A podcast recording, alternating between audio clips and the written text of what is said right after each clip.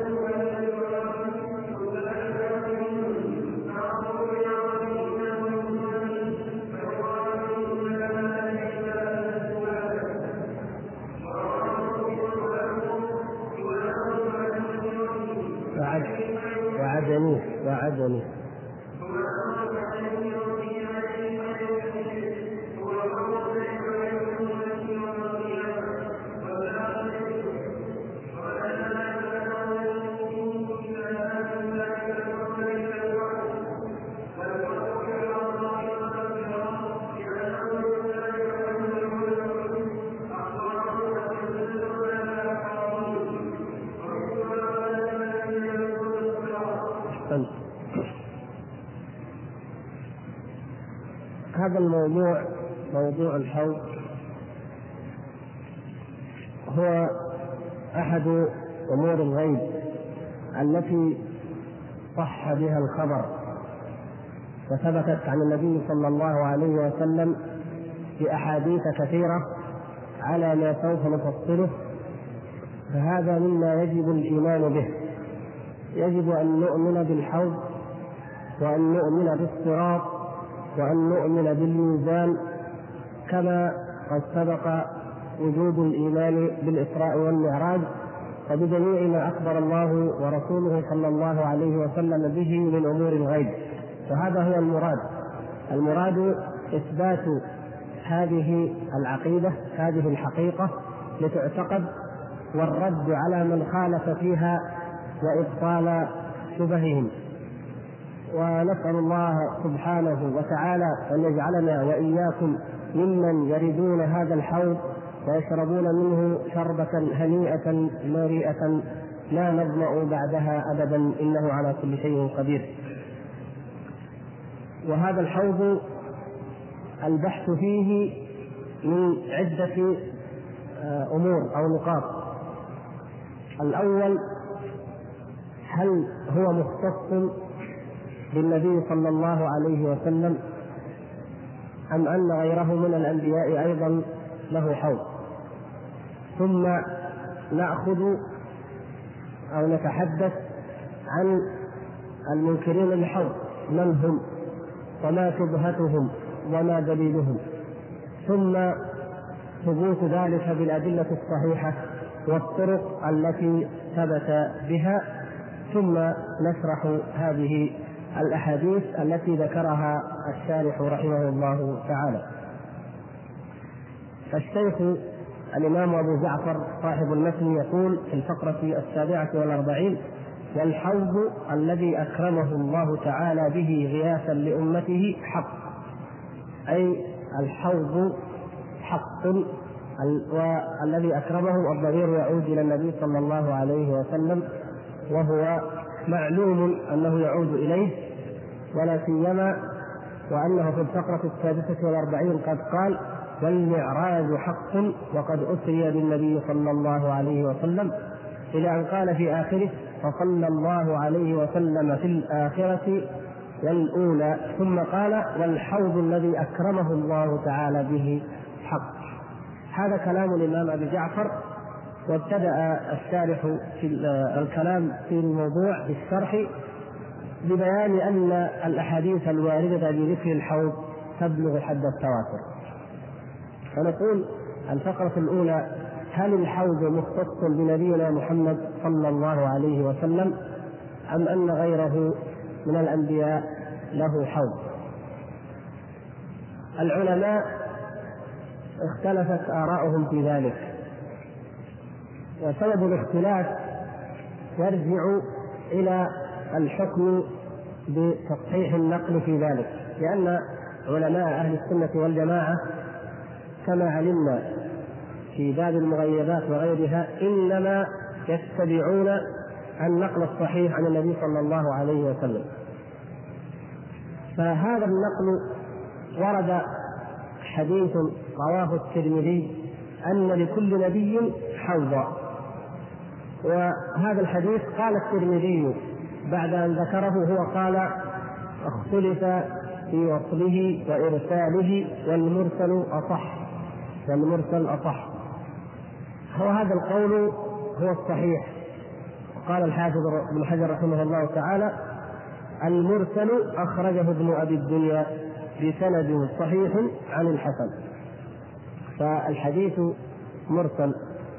فمن يعمل بالمرسل وتعلمون أن بعض الفقهاء يعملون بالمرسل ويأخذون به في الأحكام وغيرها فقد رأى أن هذا الحديث صحيح وثابت والاستدلال به جائز أو من رأى أن الحديث موصول لأنه كما قال الترمذي اختلف في وصله وإرساله فمن رأى أن الحديث موصول أو من كان مذهبه ورأيه الأخذ بالمرسل يثبت لغير النبي صلى الله عليه وسلم من الأنبياء حوض ومن كان لا يقبل أو لا يعمل بالمرسل ولم يثبت لديه إلا أن هذا الحديث مرسل وهذا كما تعلمون هو مذهب المحدثين فإن الحديث إذا لم يثبت وعليه فلا نثبت لغير النبي صلى الله عليه وسلم حوضا إلا أن يصح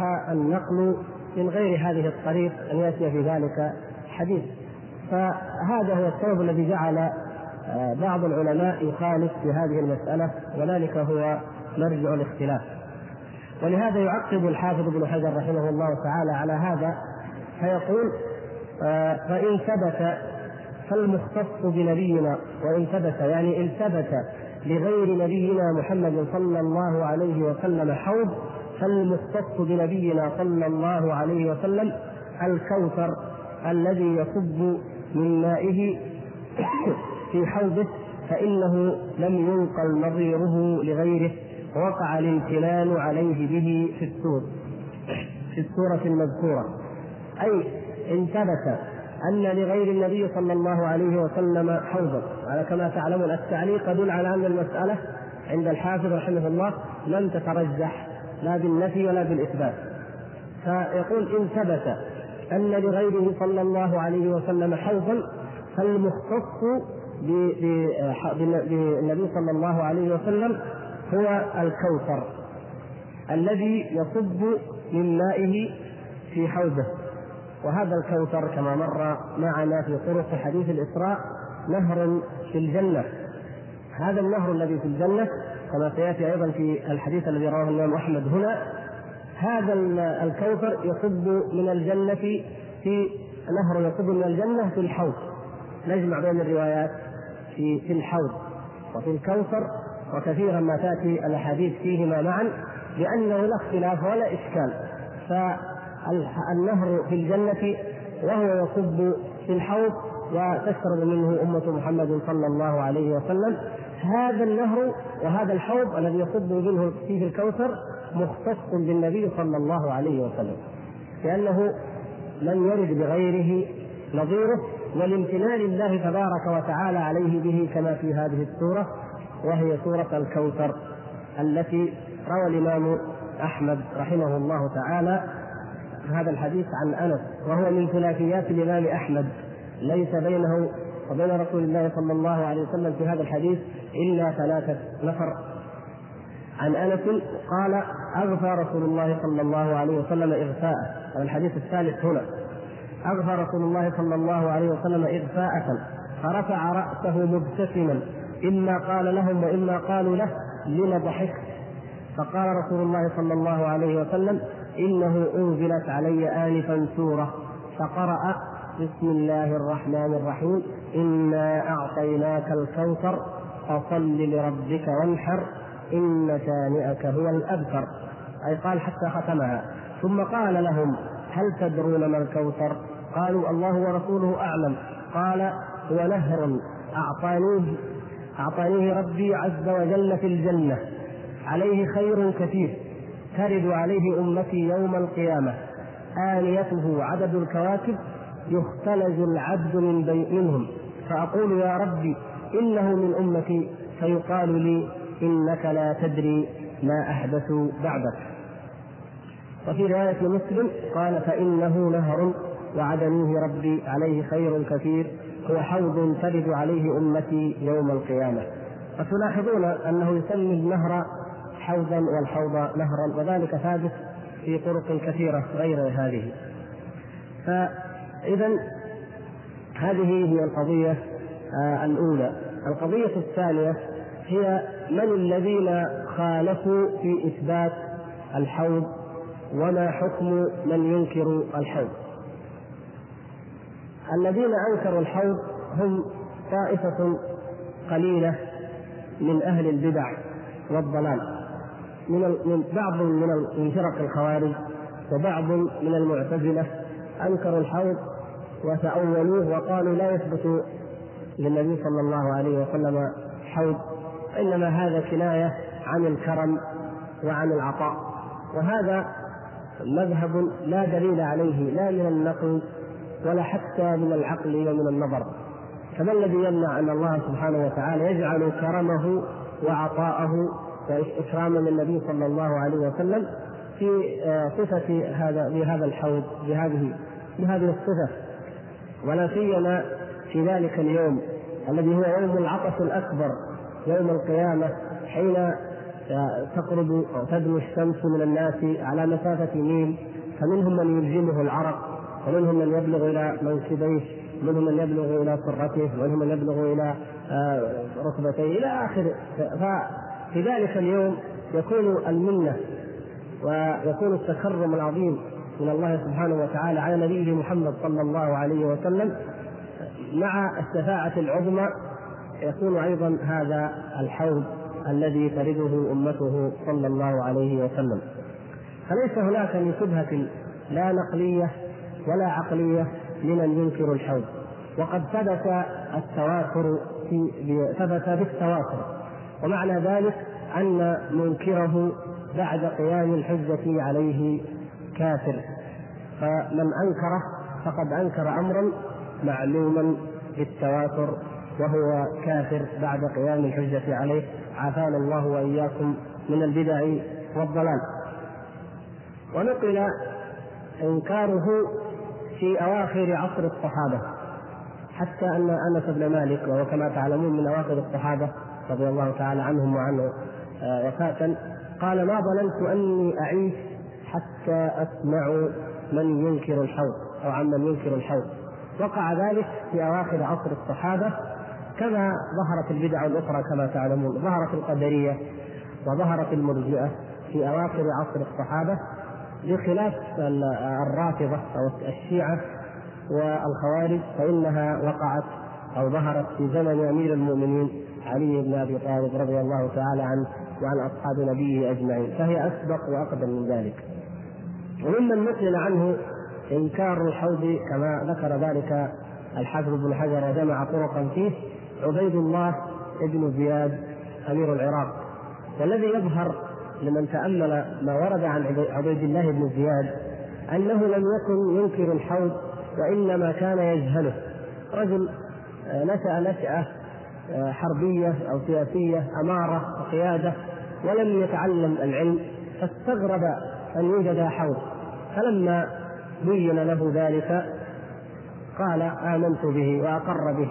فإذا نظرنا إلى الروايات التي جمعها الحافظ يتبين لنا من مجموعها أن هذا الرجل عبيد الله بن زياد لم يكن لكن آه، العلم كما تعلمون من أسباب طموسه وخفائه ثم إنكاره فيما بعد إما الجهل به اولا قد يكون الجهل وقد يكون الابتداع والهوى والنتيجة قد تكون واحدة أن بعض الناس عن جهل والآخر عن ابتداع ثم يؤدي الأمر إلى أن يصبح الطرفان شيئا واحدا ولا يظهر الحق. ولهذا وجب على المسلمين أن ينشروا العلم.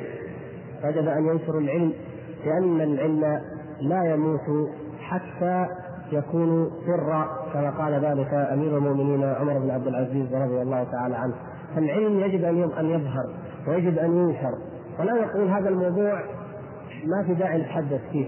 هذا الموضوع لا يهم الكلام فيه. كل ما كان من أمور ديننا من أمور الغيب نظهره للناس ونبينه لهم فيعلم العالم آه، يعلم يزداد العالم علما ويعلم الجاهل وتقوم الحجة على المنكر. وعلى المعاند فالقضية الأخرى أو الثالثة هي الروايات التي وردت في الحوض. ذكر الشارح هنا قال الأحاديث الواردة في ذكر الحوض تبلغ حد التواتر رواها من الصحابة رضي الله تعالى عنهم بضع وثلاثون صحابيا ثم قال ولقد استقصى طرقها شيخنا الشيخ عماد الدين بن كثير تغمده الله برحمته في آخر تاريخه الكبير المسمى البداية والنهاية. بالبداية والنهاية. يعني الجزء الأخير الذي هو النهاية. النهاية في الفتن والملاحم للحافظ ابن كثير ذكر فيه أشراط الساعة وعلاماتها وأهوالها. الشيخ هنا يقول رواه من الصحابة بضع وثلاثون صحابيا. الحافظ ابن حجر رحمه الله تعالى في الفتح ذكر من نقل هذه الطرق وعددها كالنووي والقاضي عياض وغيرهما ثم قال آه وذكر يعني بعد أن ذكر ما جمعوا من الروايات يقول وزدت عليهم أجمعين أيضا ذكر ابن القيم قال وزدت عليهم أجمعين الحافظ يقول عن نفسه زدت أنا عليهم في الطرق أجمعين قدر ما ذكروه سواء فزادت العدة على الخمسين يقول إن العدة التي أضافها مجموع ما جمعه هو الحافظ بن حجر رحمه الله من طرق هذا الحديث خمسون طريقا. يقول وبلغني أن بعض المتأخرين وصلها إلى رواية ثمانين صحابيا. ثمانين صحابيا. آه طبعا بعض هؤلاء الصحابة الحديث عنه فيه ضعف. يعني لا يعني أن الثمانين قد صحت الرواية عنهم لكن وردت عنهم. ولكن الأكثر وبالذات آه، في الصحيحين ما في الصحيحين بلا شك أنه ثابت الإمام البخاري رحمه الله تعالى ذكر في آخر كتاب الرقاق من صحيحه ذكر الحديث الحديث في الحوض من تسعة عشر طريقا. ذكر تسعة عشر طريقا للحوض وجمعها كلها في هذا الباب في ذكر الحوض وجمع هذه الأحاديث. وأشهر هؤلاء الصحابة الذين روي عنهم هذا الحديث رواه الإمام أحمد والبخاري ومسلم وغيرهم آه، أنس بن مالك وحذيفة وعبد الله بن مسعود وأبو بكره وسهل بن سعد وجند بن عبد الله وابن عمر وابن عباس وابن عمرو يعني عبد الله بن عمرو بن العاص وأبو هريرة وأم المؤمنين عائشة وأم المؤمنين أم سلمة وأبو ذر وعقبة بن عامر وحارثة بن وهب والمستورد وثوبان وجابر بن سمره هؤلاء هم الذين آه، وردت آه، أو أشهر من صحت الطرق عنهم في الصحيحين وما قاربها وورد غيرهم كأبي بكر الصديق وأسماء بنت أبي بكر وأمثال ورد في غير ذلك. المقصود اذا أن الثبوت ثبوت هذا الحديث مثل الشمس لا يماري فيه ولا يجادل فيه أحد. بمجموع الطرق أي ثبوت الحوض وأنه كرامة النبي صلى الله عليه وسلم وأنه يكون يوم القيامة وأن الأمة ترده وما ورد في وصفه على اختلاف الروايات ما ورد في عرضه وما ورد في آنيته وما ورد في بياضه وحلاوته وما ورد أيضا من زوج الناس عنه. آه الثالث رحمه الله تعالى ذكر هنا يقول فمنها ذكر رواية أنس.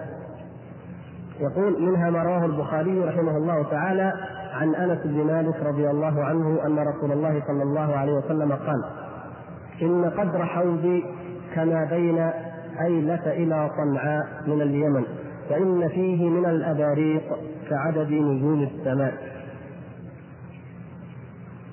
هذا الحديث رواية أنس أو حديث أنس ذكره البخاري في نفس الباب باب الحوض من كتاب الرقاق في آخره وأيضا أخرجه الإمام أحمد.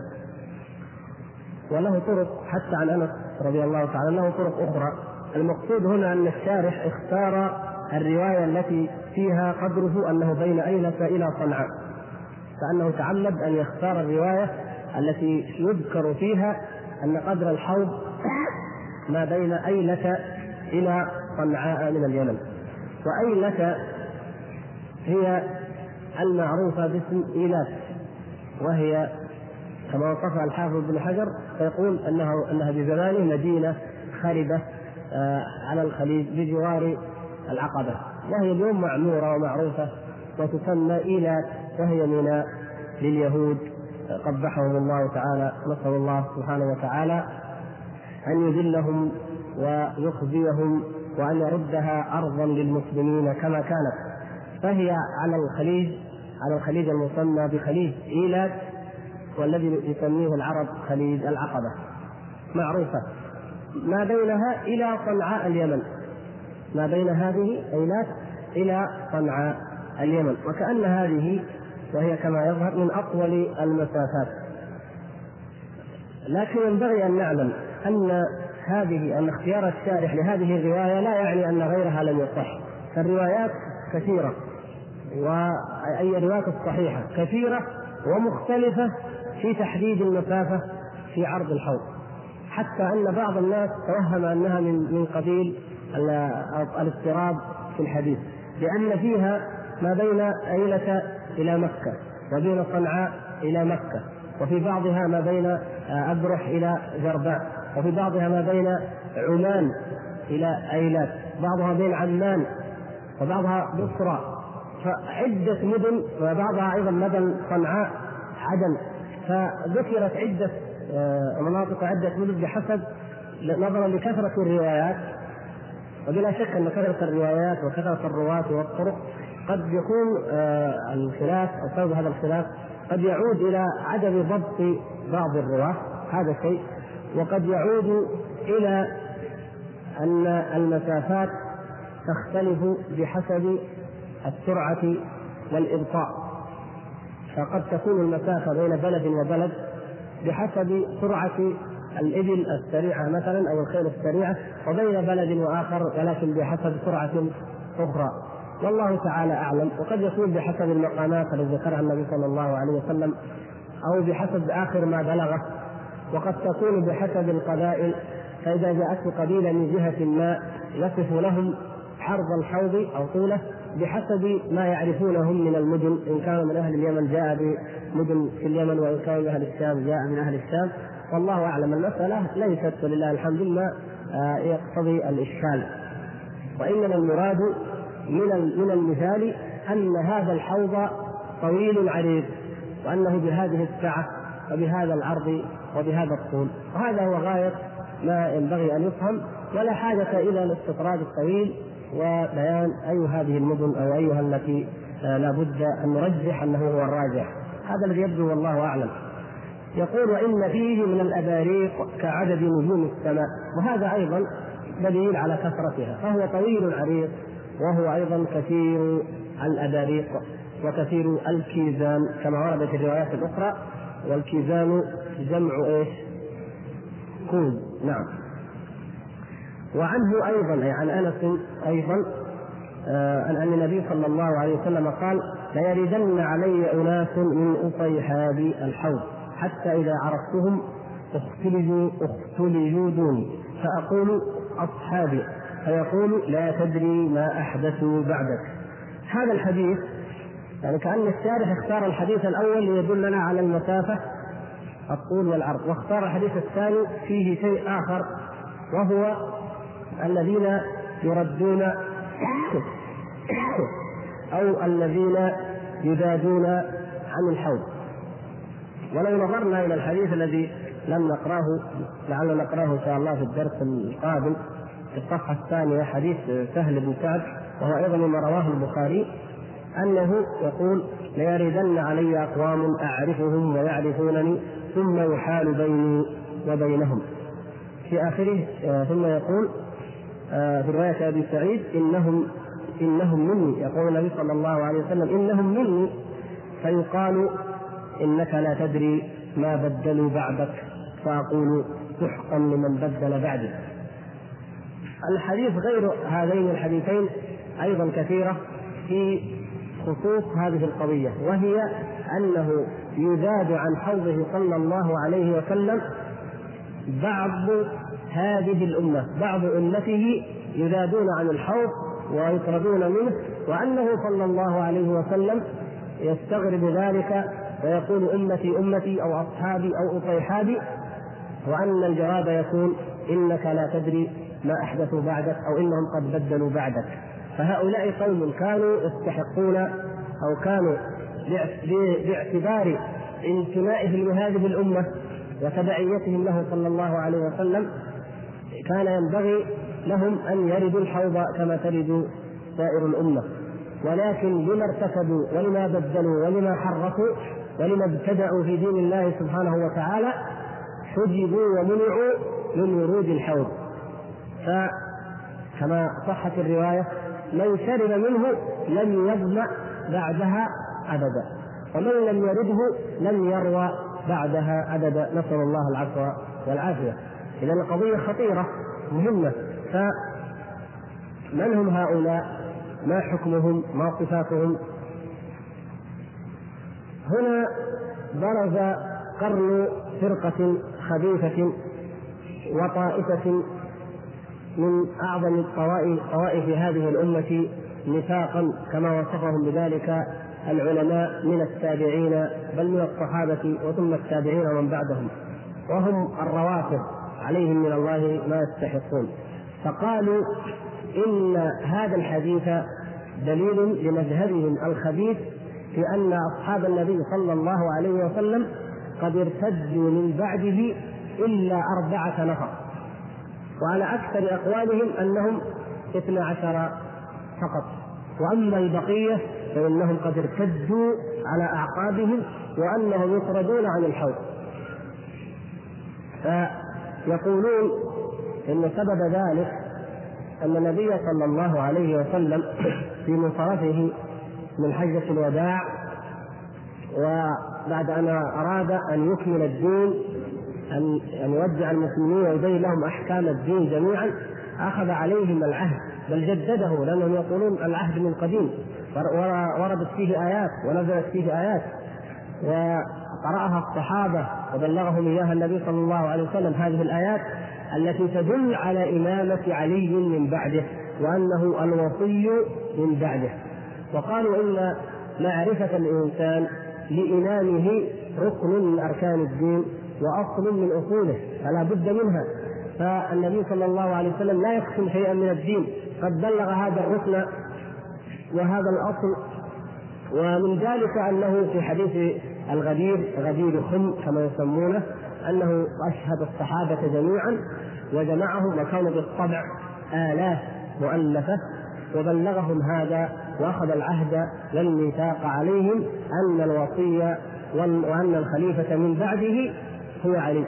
ولكن الذي حصل أنهم ما كاد رسول الله صلى الله عليه وسلم يموت حتى اتفقوا جميعا وتواطؤوا وكتموا الآيات وكتموا الأحاديث وكتموا هذه الوصية وحولوا الخلافة إلى أبي بكر ثم عمر ثم عثمان وغمطوا عليا حقه وغمطوا آل البيت حقهم وانكروا هذا الأصل من أصول الدين وهذا الركن من أركان الإيمان والإسلام. هذا هو كلام الرافضة ويقولون إن اذا هؤلاء هم من الصحابة كانوا في عهد النبي صلى الله عليه وسلم من الصحابة ولكن يوم القيامة يأتون فالنبي صلى الله عليه وسلم لا يدري ماذا حدث من بعده فيطردهم النبي صلى الله عليه وسلم أو فيقول لهم سحقا وبعدا إذا طردوا لأنهم غيروا ونقضوا وصيته لابن عمه علي. هذا آه، مما أو هذا قول الرافضة الذين الذي يزعمونه في أصحاب النبي صلى الله عليه وسلم وكما تعلمون أن هذا القول يقتضي أمورا كثيرة أولا أن الصحابة الكرام رضوان الله تعالى عليهم آه، كفار مرتدون متواطئون على آه، ترك أمر من ضرورات الدين وأصل من أصوله وركن من أركانه. فإذا الطعن في جميع الصحابة هذا طعن في جميع أصحاب النبي صلى الله عليه وسلم حتى في الأربعة حتى في علي ومن معه هذا طعن فيهم لأن هذا ركن من أركان الدين وأصل من أصول الدين فيتركه هذه تتركه هذه الالوف المؤلفة.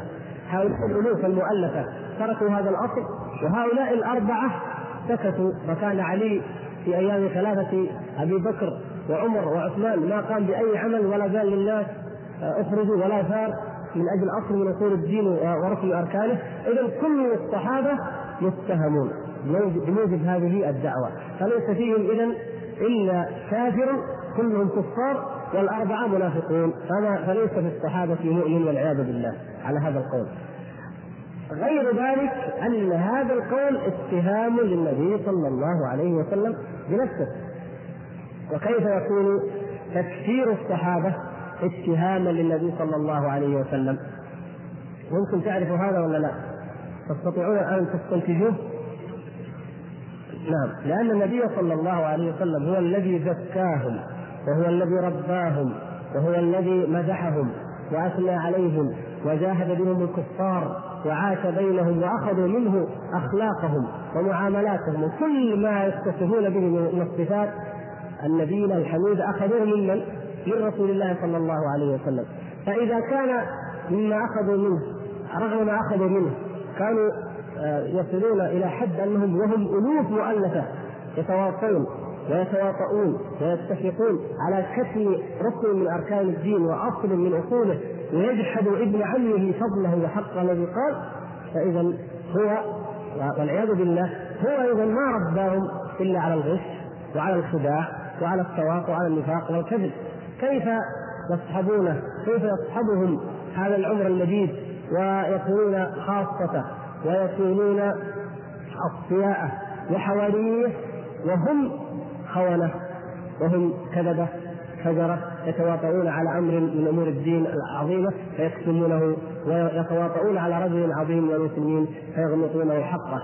لو اتفقوا على دينار من الحرام لكان هذا طعن فيهم. فكيف وهي قضية من أمور الدين ومن أصوله الكبرى؟ هذه إذا مسألة مهمة يعني نعرف بها كيف أن الطعن في أصحاب الرسول صلى الله عليه وسلم هو طعن في رسول الله صلى الله عليه وسلم. ولا يخفى عليكم أن المثل الواضح في الحياة العامة المثل واضح في ذلك لو أن إنسانا زكى عندك إنسانا ما أو أنك وجدت طائفة مثلا مجموعة من الطلاب ويدعون الإسلام والدين الصحيح وقالوا الذي ربانا على هذا الدين شيخنا فلان وكانوا يعظمونه جدا ويتبعونه. فلما خالطتهم وخبرتهم وجدت أفعالهم وجدتهم على بدعة وعلى كذب وعلى زور وعلى فجور. ماذا يكون ظنك بشيخهم؟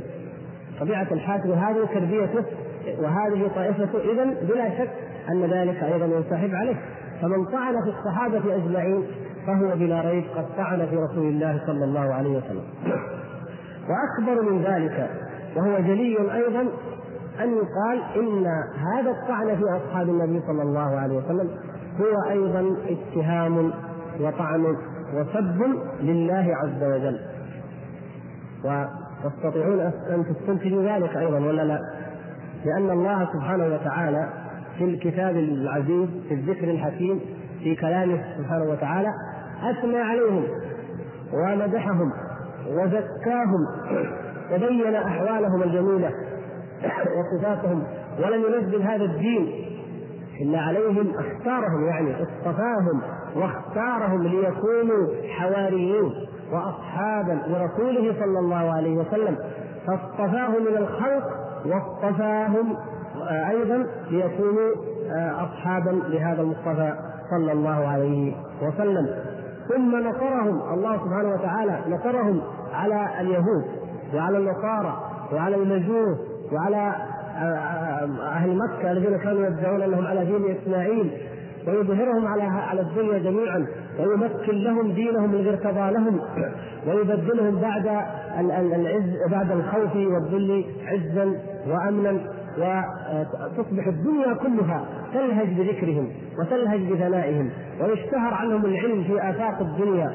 يعني كل هذا يحصل من الله سبحانه وتعالى آه، وحيا منزلا وأيضا نصرا وتأييدا في الواقع المشاهد المحسوس يؤيد آه، ويكون يكون هذا العمل ويقع لأناس مرتدين منافقين كاذبين متواطئين متآمرين. هذا يتنافى مع حكمة الله سبحانه وتعالى. وتكذيب وتكذيب لكتاب الله وهو يتنافى مع حكمة الله سبحانه وتعالى. فإنه عز وجل قد تأذن وهذا من هذه من العادة ومن السنن الربانية المعروفة في التاريخ أن الكاذب الفاجر الظالم الغادر أن الله سبحانه وتعالى يذله ولو بعد حين وأن الله يفضحه ويخزيه ويعرف الناس حقيقته. أما بهذا الشكل ويكسبون ثناء الدنيا جميعا مؤمنها وكافرها. ولم ولا باجماع التاريخ البشري الموجود أنه لا يوجد أمة أطهر ولا ازكى من هذه الأمة. ويكونون في الحقيقة والواقع خونة متآمرين إلى آخره هذا اتهام لله سبحانه وتعالى وسب لله وطعن فيه وفي دينه وفي كتابه بلا ريب. فإذا نعرف خطر وخطل هذا القول الباطل. وأن من قال ذلك فهو الذي يستحق الكفر عافانا الله وإياكم. طيب إذا كيف يفسر الحديث؟ عرفنا أن هذه الفرقة الضالة المبطلة قد آه، احتجت بغير حجة فما معنى الحديث إذا وكيف نستشهد بهذا الحديث في موضوعه الصحيح؟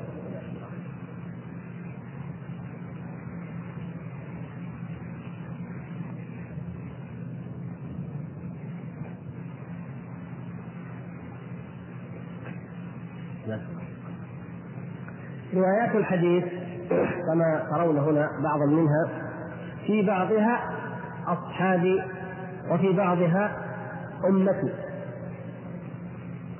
أما الروايات التي فيها أمتي فلا إشكال لا إشكال أن في هذه الأمة لم يزادون عن الحوض لأن في هذه الأمة فيها أو ينتسب إليها أهل البدع وأهل النفاق وأهل الضلال أوليس المنافقون يوم القيامة يطمعون أن يحشروا مع المؤمنين لأنهم منهم ولكن يضرب بينهم بسور له باب باطنه فيه الرحمة وظاهره من قبله العذاب كما أخبر الله تعالى.